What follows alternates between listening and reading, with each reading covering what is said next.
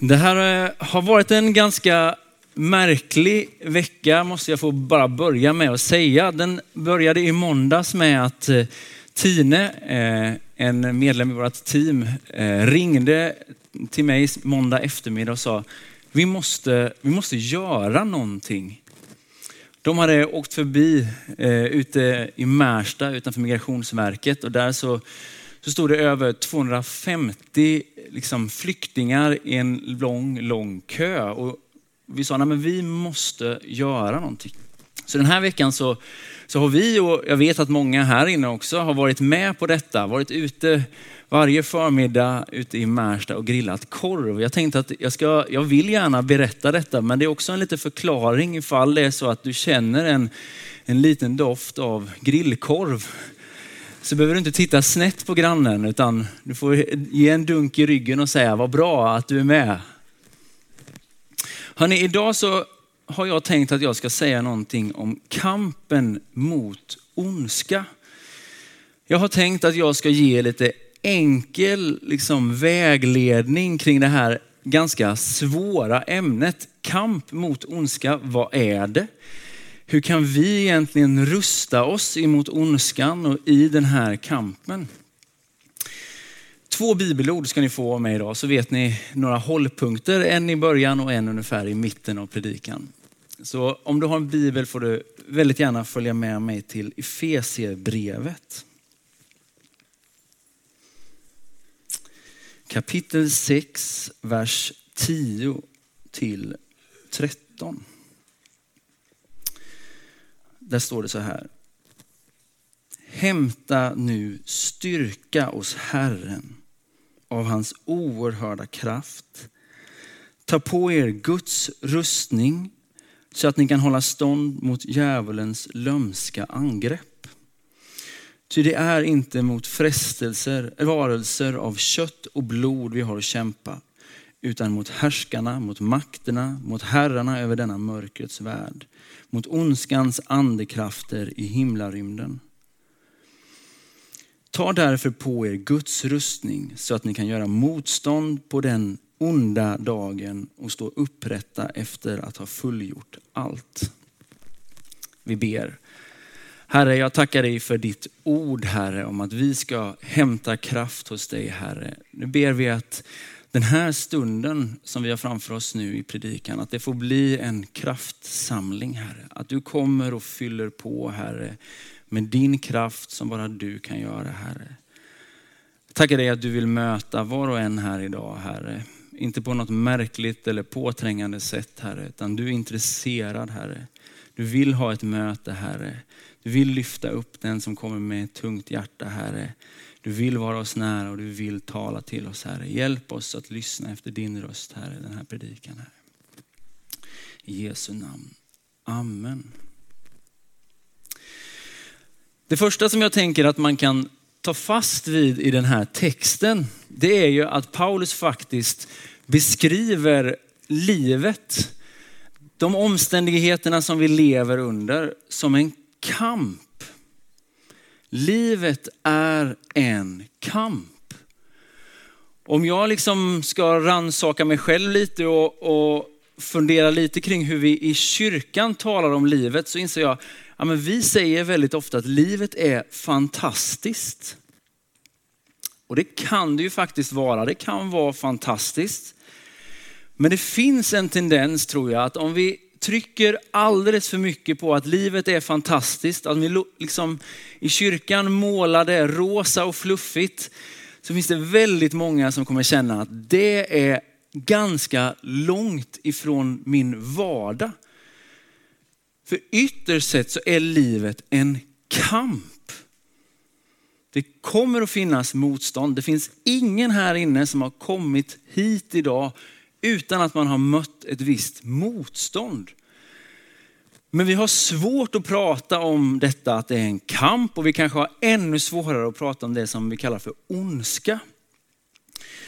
Och jag tror inte det bara gäller för kyrkan, jag tror att det är ganska generellt för vår kultur. Vi, vi, har, vi har svårt att prata om det här ämnet.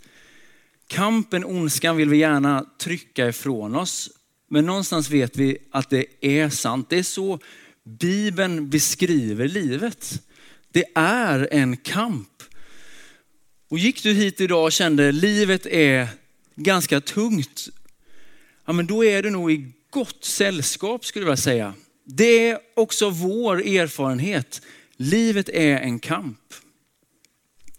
Det andra som det här bibelordet talar om, det är att det också finns en andlig kamp. Det vill säga bakom våra ganska vardagliga utmaningar och kanske de stora skeendena i världen så finns det också ehm, en till dimension, en slags andlig kamp. Hur ska man då förhålla sig till detta? Jag tänker att jag skulle lyfta fram två ganska klassiska diken. Hur ska vi förhålla oss till en andlig kamp? Ja, men det ena diket, det är ju att man helt enkelt bara förnekar den här verkligheten. Man kanske tycker att det känns lite jobbigt och obehagligt att prata om det, så vi skjuter det ifrån oss. Jag tror det är ett väldigt vanligt förhållningssätt, särskilt om, ja, men om du bor och lever i Sverige som är ett sekulärt land. Det här kan man väl ändå inte tro på. Vi förnekar och vi skjuter bort det. Det är ett dike som jag tror man inte ska hamna i. Sen finns det ett annat dike och det är ju att man utvecklar något slags osunt intresse för det som är demoniskt eller det man kan kalla för onda krafter. Det tror jag att om man varit med i frikyrkan ett tag så vet man att från liksom, tid till tid så finns det perioder när, när vi i frikyrkan har liksom fokuserat väldigt mycket på detta. Man har nästan trott att det liksom lurar onda krafter bakom varje hörn. Det är inte ett dike man vill hamna i. Vad är då ett, ett sunt förhållningssätt till det här med en andlig kamp? Ja, men det första jag skulle vilja säga är, jag tror det är bra att tänka att alla utmaningar som du möter i livet är inte en andlig kamp. Livet är mer komplext än så och Bibeln lyfter faktiskt fram tre stycken motstånd som vi har att liksom kämpa emot. Livet är mer komplext och Bibeln lyfter fram tre saker. Det första som Bibeln lyfter fram det är världen. Den här planeten som vi bor på, den här världen som vi finns i, den är ju fantastisk. Den är skapad av Gud, han har sagt att den är god. Men den är också fallen. Det vill säga den är trasig och i, i varje, inte liksom fullt ut sönder, men vi kan märka det på livets alla olika områden. att någonting har gått sönder. Det är inte en attack. Det är bara livets omständigheter. Det är något vi får vänja oss med. Världen är fallen. Det andra motståndet som Bibeln lyfter fram, det är ju köttet. För precis som, som att världen är fallen så är också vår natur fallen. Vi har en tendens att välja fel. Och jag tänker att det är en viktig sak att ta med. Allt som möter dig av svårigheter är inte demoniskt eller utifrån. Det är invärtes. Världen är fallen, köttet är svagt. Men så finns det ett tredje liksom, motstånd. Och det är det som Paulus kallar för de mörka krafterna i himlarymden. Det verkar finnas en till verklighet, en andlig kamp som pågår. Bakom det vi kan se och kan ta på så finns den här kampen. Och om vi på något sätt kan se det och förstå det så tror jag att vi kan undvika att falla för ganska mycket annat. Vad är då det här? Jag ska inte tala jättelångt om djävulen. Jag tar det kort. Men Paulus, han skriver så här, eller han, ja, men han skriver så här i den här texten om djävulens lömska angrepp. Jag tänker att detta ger oss lite ledtrådar. Hur arbetar och hur fungerar de onda krafterna? Hur fungerar djävulen? Ja, men han är lömsk. Det vill säga han verkar i det fördolda. Han ljuger. Han förleder. Det kan ju sättas i motsatsen till Gud som är ande och, eller sanning och nåd. Han agerar rakt. Och han är rakt igenom kärleksfull. Ja, men sån är inte den onde. Han är lömsk. Han förtalar, han leder fel. Det grekiska ordet för djävul i Nya Testamentet det är diablos. Det betyder fritt översatt, den som kastar isär. Jag tänker det är något man behöver ha koll på. Djävulen vill att saker och ting ska sönderfalla. Han drar saker isär. Hans liksom natur är att han är destruktiv. Okej, okay, om man nu lyfter fram att det finns en slags verklighet eh, bortom det vi ser och kan ta på, att det finns en andlig kamp. Tänk att det är ganska lätt att man tänker, okej okay, men vad ska jag göra? Hur ska jag skydda mig? Hur ska jag liksom skyla mig eh, mot det här? Hur ska jag peppa igång? Hur ska jag samla kraft och stå emot detta? Men sanningen är att kraften inte finns hos oss. Det Paulus uppmanar oss till i den här versen är att vi ska luta oss emot Guds oerhörda kraft. Så om du fick prestationskrav bara av ordet rustning så tänker jag, ja men det här handlar om något annat. Det handlar om att faktiskt luta sig emot Guds oerhörda kraft. Vi behöver inte vara rädda vi behöver inte vinna åt Gud. Han har redan vunnit segern. Vi får luta oss emot Guds kraft. Det här grekiska ordet att hämta styrka, liksom på svenska kan det låta lite som att det är vi som ska hämta styrka lite för oss själva. Men om man tittar på det grekiska ordet, då är det här en passiv uppmaning i plural. Så man skulle kunna säga att den här uppmaningen är att hämta nu styrka ifrån Gud, eller ta emot styrka ifrån Gud, ni allihopa. Det är inget individuellt projekt utan det är någonting som vi gör tillsammans. Vi lutar in emot Guds oerhörda kraft. Och en av de viktigaste poängerna i Efesierbrevet är att Jesus redan har vunnit den här segern. Det är alltså inte vi som ska spänna oss i andlig kraft, utan vi får ta emot, luta oss emot Guds kraft. Är ni med på den bilden? Vad härligt. Nu kommer det andra bibelordet. Det här är också Paulus som skriver i Galaterbrevet. Och nu har jag frågat Oskar om han kan få rulla fram den här whiteboarden, för jag har också tänkt att rita lite idag. Paulus skriver om den här andliga kampen. Och jag måste säga att det här bibelordet som jag ska läsa nu, jag har få bibelord just nu som ger mig så mycket hopp. Framtidshopp och hopp i den situation vi befinner oss i. Lyssna på de här orden från Paulus i Galaterbrevet, kapitel 6 och vers 7, en bit framåt. Låt inte bedra er. Gud lurar man inte. Vad man sår får man också skörda. Den som sår i sitt kött ska skörda förgängelse ur köttet. Men den som sår i anden ska skörda evigt liv ur anden. Låt oss inte tröttna på att göra det som är rätt. När tiden är inne får vi skörda, bara vi inte ger upp. Så länge det finns tid ska vi därför göra gott mot alla människor. Framför allt mot våra trosfränder. Det här är ju en väldigt enkel tanke. Det man sår får man också skörda.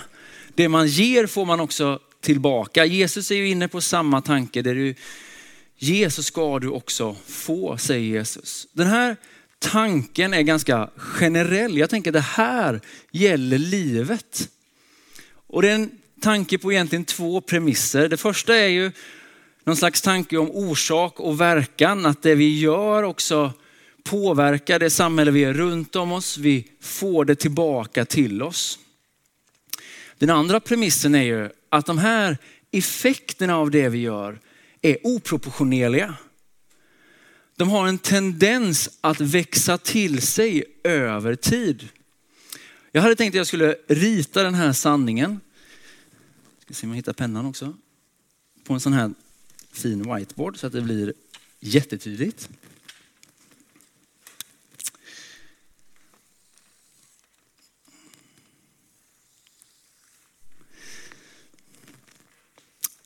Det var länge sedan jag gick i gymnasiet, men jag kommer ihåg en sak och det är att det här är en exponentiell funktion. Jag kommer inte gå längre in i gymnasiematten än så. Det är ungefär det jag kommer ihåg. Men jag tycker att den här bilden beskriver det här liksom, idén om livet. Att över tid så får våra handlingar liksom växtkraft. Nästan som att de växer av sig själv i slutet. Jag fyllde ju höstas 30 år. Man kan inte tro det. Jag pratade med, med två oberoende ukrainare i Märsta den här veckan och båda sa, you look so young. You look like 22. Men jag är 30 och jag har börjat tänka på det här med pensionen och jag har börjat pensionsspara. Och då när jag har gjort det så har jag fått lära mig att jag är tio år sen med det. Jag skulle börjat när jag var 20. För tydligen finns det något som heter ränta på ränta. Ni som är lite ekonomiskt lagda tänker att, men har han inte koll på det här? Jag har lärt mig detta nu. Albert Einstein har ju kallat detta för eh, världshistoriens, eller vad ska man säga, det åttonde verket. Vad heter det? Underverket, det åttonde underverket. Jag använder det som en liten bild för att förklara den här sanningen. Om du är 20 år och börjar pensionsspara här så händer det inte så jättemycket. Det är ganska tråkigt. Eh, men du kan lägga undan lite pengar. Sen börjar det bli 30, då börjar du få en massa kostnader men det är fortfarande inte så kul att pensionsspara. 40, också ganska tråkigt. Det händer inte så jättemycket. Sen kommer du upp i det vi kallar för medelåldern. När man är 50-60 och har man då pensionssparat sedan man var 20 år, då får man ränta på räntan. Då sticker det liksom iväg. Jag tror inte att det här bara gäller ekonomin, utan det här är också en sanning som, som finns över liksom verkligheten, över våra liv. Så en tanke, skörda en gärning. Så en gärning, skörda en vana. Så en vana, skörda en karaktär. Så två tankar utifrån en karaktären och det kommer skjuta i höjden. Andlig formation, den här kampen vi är i, den ger effekt över tid. Det kanske inte är så lätt att se skillnaden när man är här. Vad spelar det för roll vad jag gör? Vad spelar det för roll om jag ber eller inte? Vad spelar det för roll? Men här spelar det stor roll. Den som sår i anden här kommer ändå att få skörda evigt liv. Jag är inte heller så insatt i neurovetenskap, men jag vet en sak och det finns någonting som heter Hebbs lag. Det kommer från en, en eh, neuropsykolog som heter Donald eh, Hebb. Man skulle kunna formulera hans eh, lag ungefär så här att när vi tänker en tanke så blir det lättare att tänka samma tanke nästa gång. När vi gör en gärning så blir det lättare att göra den handlingen nästa gång. Det är som att i din hjärna, nu, alltså, ni ser att jag är ute på halt vatten här. Eller vill säga,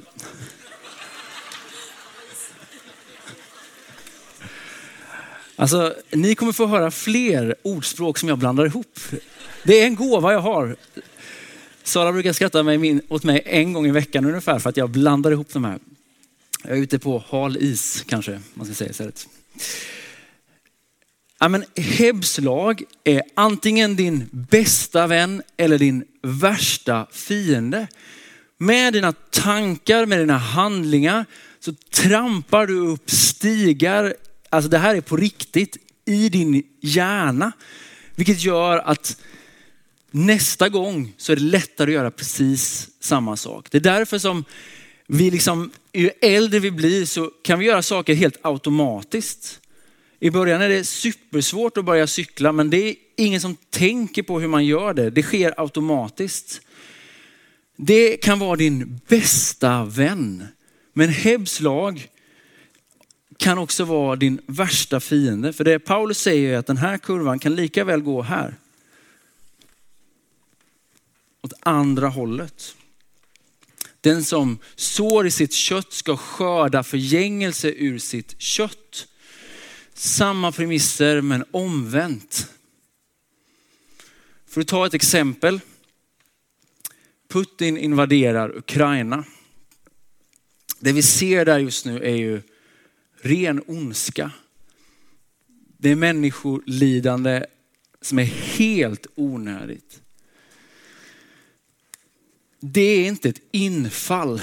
Det är ett resultat av år av tankar, av gärningar som har liksom tagit Putin till den platsen han är just nu. Nu sår han på riktigt död. Det han kommer skörda är ett helvete, inte minst för sig själv. Utmaningen är ju, och det, jag menar, det är lätt att se att här är det ondska. Det svårare är att liksom hitta vägskälen längs vägen. Nu ska du få ett citat från C.S. Lewis. Lyssna på det här. Helvetet börjar med ett gnälligt humör. Och dig själv distanserad från det. Kanske kritiserar du det. Men det kan komma en dag när du inte kan göra det längre. Då kommer det inte finnas något du kvar till att kritisera humöret. Inte ens att njuta av det. Utan bara gnället själv som pågår för evigt som en maskin. Utmaningen som du och jag står i, i den här kampen som vi är i varje dag, det är att faktiskt se vägskälen. Var är de någonstans? Vad leder de här handlingarna? Vad leder de här tankarna i längre? I längden? Och sen så på ett annat ställe om de är destruktiva. Och jag tänker att det här kanske kan få vara ett uppvaknande för någon här idag. Ja men du är på fel väg. Det är dags att börja så goda tankar om dig själv och andra. Det är dags att börja så goda gärningar. Det är dags att börja så goda vanor i ditt liv som leder till någonting gott. Och jag vet att det är supersvårt att bryta en destruktiv hjärna. Du kanske har trampat upp de här stigarna i din hjärna under decennier. Hur bryter man egentligen en destruktiv vana? Man sår en god. Hur kör man kampen emot den här ondskan i världen? Man gör en god gärning.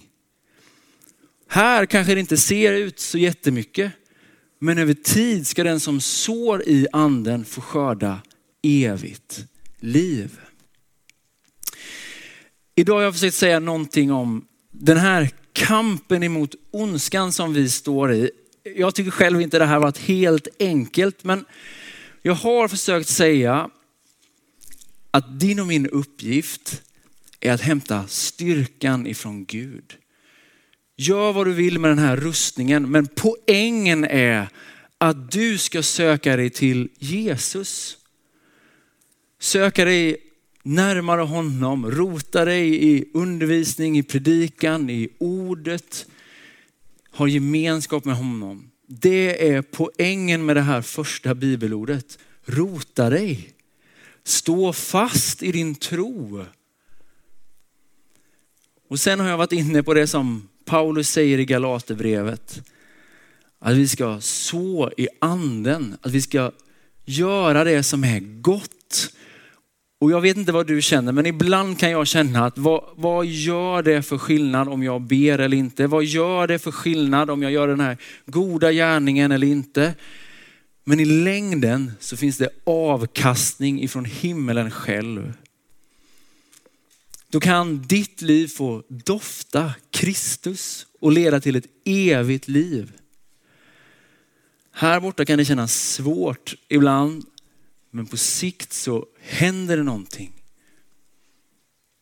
Verkan är, effekten är oproportionerlig. Så låt oss inte tröttna på att göra det som är gott emot alla människor. Och låt mig göra ett kontextuellt tillägg. Särskilt emot de som flyr emot, från krig. Vi ber. Herre, tack att vi kan få vara trygga i att kraften finns hos dig, Herre. Samma kraft, Herre, som du har upptäckt, uppväckte Jesus ifrån de döda, Herre. Samma kraft finns tillgänglig för oss, Herre. Jag tackar dig, Herre, för att vi inte behöver spänna våra muskler, Herre, eller hitta styrkan i oss själva, Herre, utan vi får luta in i din kraft, Herre. Du vill ge oss, fylla på oss Herre. Jag tackar dig för att du redan har vunnit den här striden Herre. Att ondskan inte har någonting att komma med mer än förluster och lidande Herre. Men vi kan med säkerhet veta Herre att den ondskan kommer att begå ett självmord Herre. Det är ytterst sett tomhet Herre och du har livet i din hand. Det goda kommer till slut att segra Herre. Jesus, jag tackar dig att du är med i den här vandringen. Att du är med i den här kampen, Herre. Att vi inte behöver leva det här livet själva, utan vi får leva det i gemenskap med dig, Herre. Att du kan fylla på, Herre. Hjälp oss att ha men ett sunt förhållande, Herre, till det som du kallar för andlig kamp, Herre. Jesus, låt oss avslöja djävulens alla lögner, Herre. Hjälp oss att hitta det som leder till enhet, Herre. Att avslöja det som leder till splittring, Herre. Hjälp oss, Herre, att göra det som är gott, Herre. Jesus, hjälp oss, Herre, att göra det som är rätt och gott i den situation vi lever i just nu, Herre. Låt oss inte tröttna, Herre, på att göra det, Herre. Utan låt oss ha målet i sikte, Herre. Och jag tackar dig att våra handlingar kan få en gudomlig förstärkning, Herre, på sikt Jesus. När vi inte tröttnar utan vi ihålligt håller i. Amen.